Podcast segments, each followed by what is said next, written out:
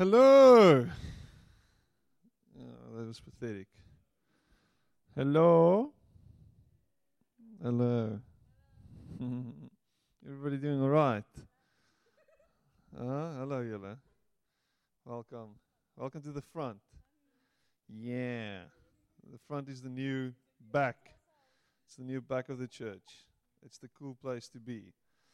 It's the place to be. So, you've come out on a cold, dark winter's night and you're here because there's this burning desire in your heart to, first of all, have a great cup of coffee, but secondly, because there's this longing to just connect, connect with the living God. And um, obviously, you could have connected with Him in various other ways as well. There are millions of ways to connect with God. Um, but if I had to choose one way of connecting with Him, it would be to be amongst people who want to worship Him and to want to be together as a community. And that, for me, is, is what church is about. It's about coming together on a Sunday and saying, you know what? Uh, I want to collectively and with other fellow Christians, I want to listen to to his voice. I want to hear what he has to say. There's something that happens when we come with an expectation. There's something that happens when we when we say, you know what, I want to open up my heart and my ears and my mind to what he has to say to me. So thanks for coming, uh, and I hope you, you leave here tonight with this with this fresh, with this fresh, fresh, fresh, fresh, just uh, vars ontmoeting met hom. Jy net nie wegstap. Ek verloor nou my Engels. Wegstap hier met 'n met 'n vars ontmoeting. Um en 'n en 'n en 'n nuwe oortuiging dat hy God is en dat hy Heer van jou lewe is. En miskien is hy nog nie. Maybe he isn't Lord of your life yet. And you sort of just, you know, still checking this out. And you're still sort of struggling with a few questions, but you but you're leaning towards and you're leaning into trying to figure this out. And, and may He just overwhelm you with His gracious love and, and His compassion. And, and that's my prayer tonight. Um, last week, can any one of you remember what I spoke on last week? Because I know what I spoke on last week. I just want to hear from you if you can remember the passage on last week's sermon. Luke, Luke, Luke chapter 7, 11. 7 11. It was about Jesus touching and extending a healing hand or a resurrecting hand to a dead boy. And by resurrecting a dead boy, giving a mother new life as well. Because resurrecting this dead boy gave this widow uh, another opportunity to live out her life with, uh, with hope. And, and, and Jesus comes and speaks life into a hopeless situation, gives hope where there is no hope, where death had the last say, Jesus said, I'm going to overturn this and I'm going to make this something for the glory of God. And he resurrected this young boy. Nobody asked him to do it. He saw this procession, walked up to this procession, seeing this woman cry and touching the dead boy and raising him from the dead. And that is a profound story and a beautiful story at that. But tonight I'm going to speak on, on, on something in a, in a chapter later on where we find Jesus once again crossing borders, and this time literally crossing borders and boundaries that were imposed on a Jewish person.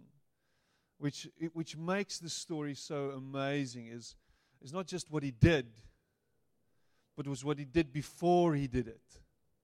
So going out towards this place where he did what he did, and we'll get to that now. was in itself a profound act. And we, are no, we, we know Jesus for this. We, we get to know him when we read the Gospels as someone who loves stepping out of the so called Jewish structures and operating outside the boundaries of religion.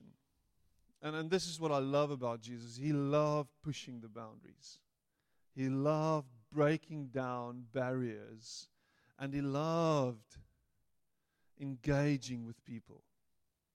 So if you have your YouVersion app or your Bible app open on your phone, on your phone, or if you can read in the dark, then you can page to Luke chapter 8, verse 26.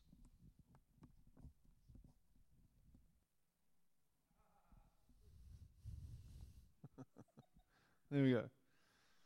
So at least I'm I'm funny because one of my biggest critics just laughed at one of my jokes. That was beautiful. They sailed to the region of the Gerasenes, which is across the lake from Galilee. And when Jesus stepped ashore, he was met by a demon possessed man from the town. For a long time, this man had not worn clothes or lived in a house, but had lived in the tombs. When he saw Jesus, he cried out and fell at his feet, shouting at the top of his voice, What do you want with me, Jesus, Son of the Most High God? I beg you, don't torture me. For Jesus had commanded the impure spirit to come out of the man. And many times it had seized him, and though he was chained hand and foot and kept under guard, he had broken his chains and had been driven by the demon into solitary places. Jesus asked him, What is your name? Legion, he replied, because many demons had gone into him. And they begged Jesus repeatedly not to order them to go into the abyss. And a large herd of pigs was feeding there on a hillside, and the demons begged Jesus to let them go into the pigs, and he gave them permission. When the demons came out of the man, they went into the pigs, and the herd rushed down the steep bank into the lake and was drowned. When those tending the pigs saw what had happened, they ran off and reported this in the town and countryside, and the people went out to see what had happened. And when they came to Jesus, they found the man from whom the demons had gone out, sitting at Jesus' feet, dressed and in his right mind, and they were afraid. Last week, they were afraid. They were afraid when they saw what Jesus had done. They were afraid. Those who had seen it told the people how the demon possessed man had been cured, and then all the people of the region of the Gerasenes asked Jesus to leave them because they were overcome with fear. So he got into the boat and left. The man from whom the demons had gone out begged to go with him, but Jesus sent him away, saying, Return home and tell how much God has done for you. So the man went away and told, told all over town how much Jesus had done for him. This man didn't have to do anything, actually, because people, when they looked at him, saw someone that they had long forgotten. The moment they laid eyes on this guy, they saw someone they had long forgotten. This guy was a stranger to them. He's a total stranger because they knew him as the crazy guy who lived amongst the dead. The guy who had lost all hope, the guy who was crazy and out of his mind, was uncontrollable, who was beyond redemption. The guy who everybody wrote off. The guy that no chain could hold. I mean, when last have you been chained? handcuffed. When was the last time you were chained?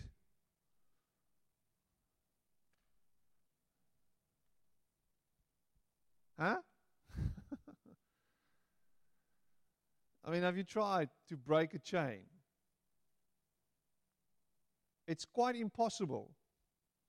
And in your struggle, you will actually hurt yourself and injure yourself. So imagine the state that this guy was in, just in terms of his physical appearance. Just imagine how stripped he was of his humanity. I mean, this guy literally was running around naked. Just, I mean, don't picture it, but picture it. And he was running around ragged. I mean, there he goes. Just run away. Here he comes. Just picture this. He was out of control. Nobody could get near him, let alone help him. How is this guy going to be healed? So th- he was the he was the terror of the town. He was living amongst the dead. So up comes Jesus. this is a beautiful picture of Jesus crossing the lake to go to another country, physically another country, crossing a border to go to another country. Why?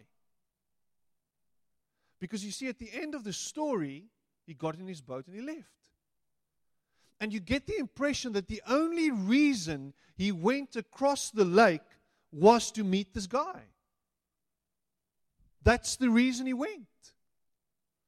And it's Jesus just being Jesus.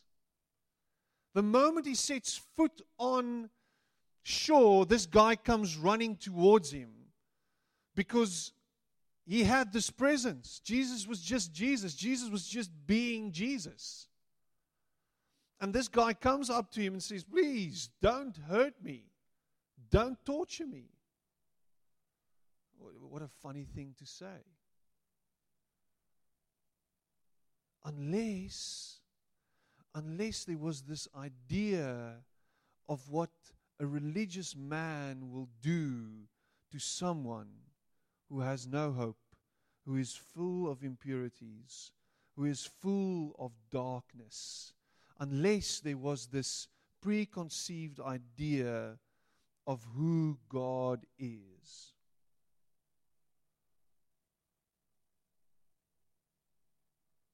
And when Jesus asks him, asks him his name, and he gives the following name, Legion, immediately it raises a whole different story. Legion, it's such a it's such a militaristic sort of word. It's a word that's sort of used by the army. Have you ever, ever heard of the French Foreign Legion? It's an elite fighting unit of the French army, blah, blah, blah. Legion. Legion. And he was possessed by a whole army of demons. Possessed. In other words, taken over by, seized by grabbed by, held against his will by. And his whole identity was stripped, and he became the legion of demons. This is who he was. He was a legion. And don't we often become the crap that our lives are full of. Don't we often become identified by our failures, by our darkness? Oh, you know that guy? He's a wife beater. You know that guy? He's a drunk. You know that guy? He's got a terrible, terrible anger issue. You know that guy? He's a pornographer. You know that guy? He's got no integrity. We don't often get identified by the great things in our lives. We often dismiss people based on their flaws. Watch out for that guy. Don't trust him. I've heard the stories. I see him. Just, just looking at him, you, He's got tattoos on his body. He must be a terrible guy. Yeah, yeah, you tattoo maniki. So, so often we get labeled and we label ourselves and it becomes our identity and we struggle with this darkness inside of us. And it takes up a lot of energy and we are so convinced that this is going to be our struggle for the rest of our lives and we comfort or we take comfort in this whole thing of you know paul saying i've got a thorn in my flesh. I've got a thorn in my side and this is just the way it is. What's your name? My name is legion And what's so amazing about this is Jesus goes to the land of the Gerasenes, a land where pigs roam free. a Jew and pigs don't mix. You know, we uh, I was in Israel uh, last year, November, and the constant joke was, "Can I have some bacon, please?" You know, it was the constant joke. We've always we were murmuring it under breaths. You know, when the guy, you know, put the food in your in your, your plate, you sort of, oh, you're to make it, please. I mean, it was a terrible joke to make because you don't make fun of these guys. They, they kill you. Oh, I'll kill you. Oh, I'll kill you. Israelis are quite hardcore. You know, they're not terrorists. Oh, yeah, that's right. Yeah, they're not the terrorists. But they don't love, they don't do pork. They don't do pork. And they even go as far as you can't have a cheeseburger in in Israel. You know that? Because it's not kosher. You can't mix dairy and meat. That's just a side note. So it's something to, to consider. So don't eat cheeseburgers, it's not kosher. But so pork is not in. And the Gerasenes were known as a people, apparently, who had large herds of pigs. When was the last time you saw a herd of pigs? Oh, mommy, look there! You know, the other day we drove past a whole herd of cows, and Nina was going moo. But I mean, we drove. We don't drive by. You know, imagine, imagine this: driving on the N1 past a herd of pigs. Oink oink. No, I mean literally hundreds of pigs. Jesus goes there. It's just a, a side note for your entertainment. Was that great? That was amazing. I think it was. So Jesus goes there. These people are, what are they? Trash.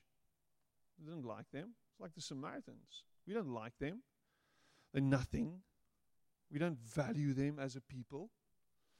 And Jesus goes to them. Goes to a foreign country where these people are unholy or unclean goes to a guy who's demon possessed or unclean, goes to the tombs where the dead are, where it's unclean. Jesus crosses the boundaries. He crosses the boundaries and he goes to this guy's darkness and he steps into the darkness. Light comes and steps into darkness. Jesus, the light of the world, brings light in the darkness. And he wants to engage with the crap in your life. And he comes to you and he asks, Who are you? Who are you? And what are you going to respond? How are you going to respond? What are you saying when he asks, Who are you?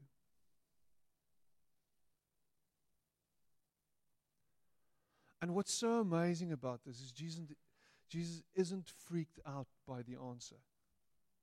He's not freaked out by this. Oh, Legion. Oh, let's go, guys.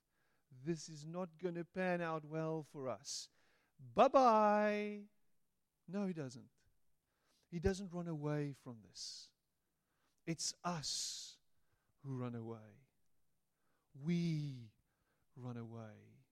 We think when he comes that he's going to scowl that he's going to, that's probably not the right word, that he's going to scold.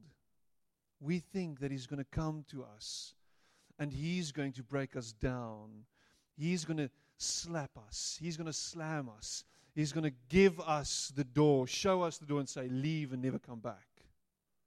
That's the impression we have of him.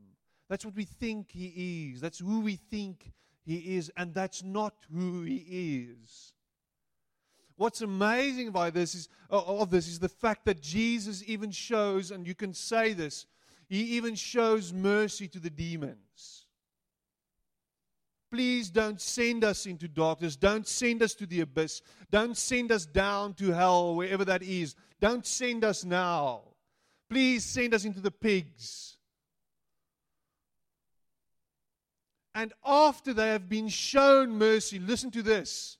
After they have been shown mercy, the only road they know is self destruction.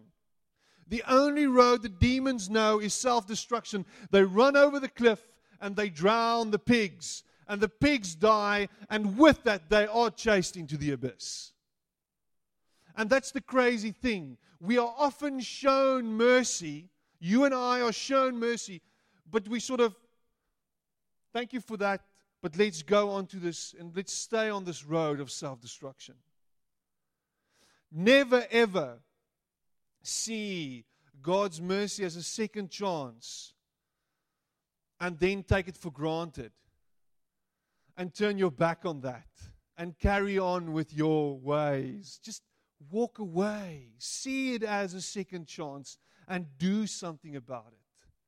This guy, other than the demons, are shown a second chance, are given a second chance, and grabs it and engages with Jesus. And the demons are out of him, and all he wants to do is he wants to run after Jesus. He wants to stay with Jesus. He wants to be with him. He wants to be his disciple. He wants to learn from him and walk, walk the road and be on this journey with him. And all Jesus says is, stay here and tell everybody.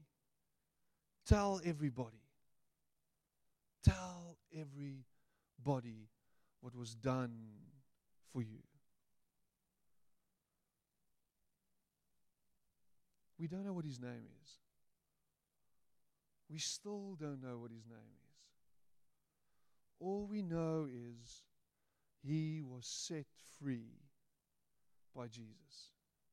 And maybe this new identity that he takes, this new, this new life that he's led into, that he's invited into, becomes his new identity. He becomes this man who speaks about what he has received. He becomes this man who speaks of the mercy he has seen. He becomes this man who speaks of the hope that he now has. He becomes this man. As for the other people, as for the people who saw this miracle, as for the people who saw a man being delivered, a man set free, they were freaked out. They were freaked out. And what often happens is when you start to change, when you start be transformed, when you become a new person, people try to remind you of who you were. People are freaked out by who you've become. They're afraid of the new you. They're afraid of this new way of living. They don't like that. And what can happen is, what can happen is, you can revert to old ways. You can revert to old ways and just engage with who you were and say, you know what? Been given this new chance. People don't like it. Let's give them what they want. And let's go back to how it's been and how it was. But don't do that. Step into the light. Step into your calling. Step into your destiny, the new destiny that God has shown you, the new way of life that God has given you and engage with that. No matter how many people are freaked out, no, many how, no matter how many people are afraid, don't let fear dictate who you become. And become this person that God wants you to be. And speak about what He wants you to be. Show them. I want to close with this, and tonight was short and sweet. I want to, want to close with this. Jesus isn't afraid of who you are. He isn't afraid of where you are. He isn't afraid of the darkness inside of you. I want to challenge you that you give yourself to Him and to let Him step into that and to see what comes from that. Stay in that moment, engage with Him, receive the mercy, and be set free, and start speaking about it. Not delaying it and say, I'll speak about it when I've, you know, when I'm, when I'm, when I'm totally healed and totally recovered. This guy sat at the feet of Jesus with all his bruises. Uh, I mean, they probably dressed him with all his brokenness just there with all the broken relationships, with everybody, all the victims alongside him. He sat there and he was suddenly this new person. But he wasn't there yet. There was a long road still on this uh, uh to, to, towards perfect recovery. And engage with this and walk with him and speak to him and speak of him and allow Him to use you as a vessel and as an instrument of hope and of life and of new beginnings. Even if you're still an infant in this whole being set free business. Let's close our eyes and pray.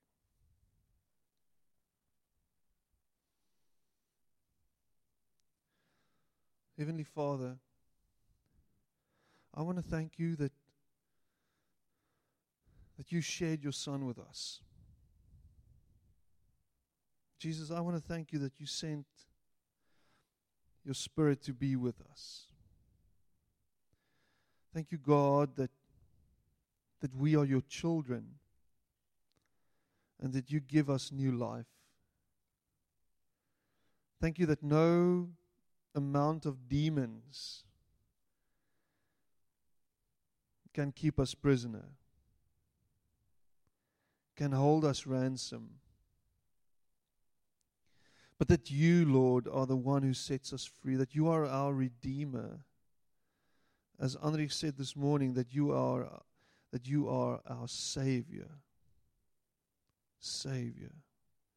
And you step over boundaries and you cross borders to get to us. Lord, you pursue us. You are the one who goes after us to find us wherever we are. Thank you, Lord, that we are not too far gone, that we're never too far gone, that there's always hope, that there's always second chance, that there's always uh, new life, new beginnings. Thank you, Lord, that we can be changed by your mercy.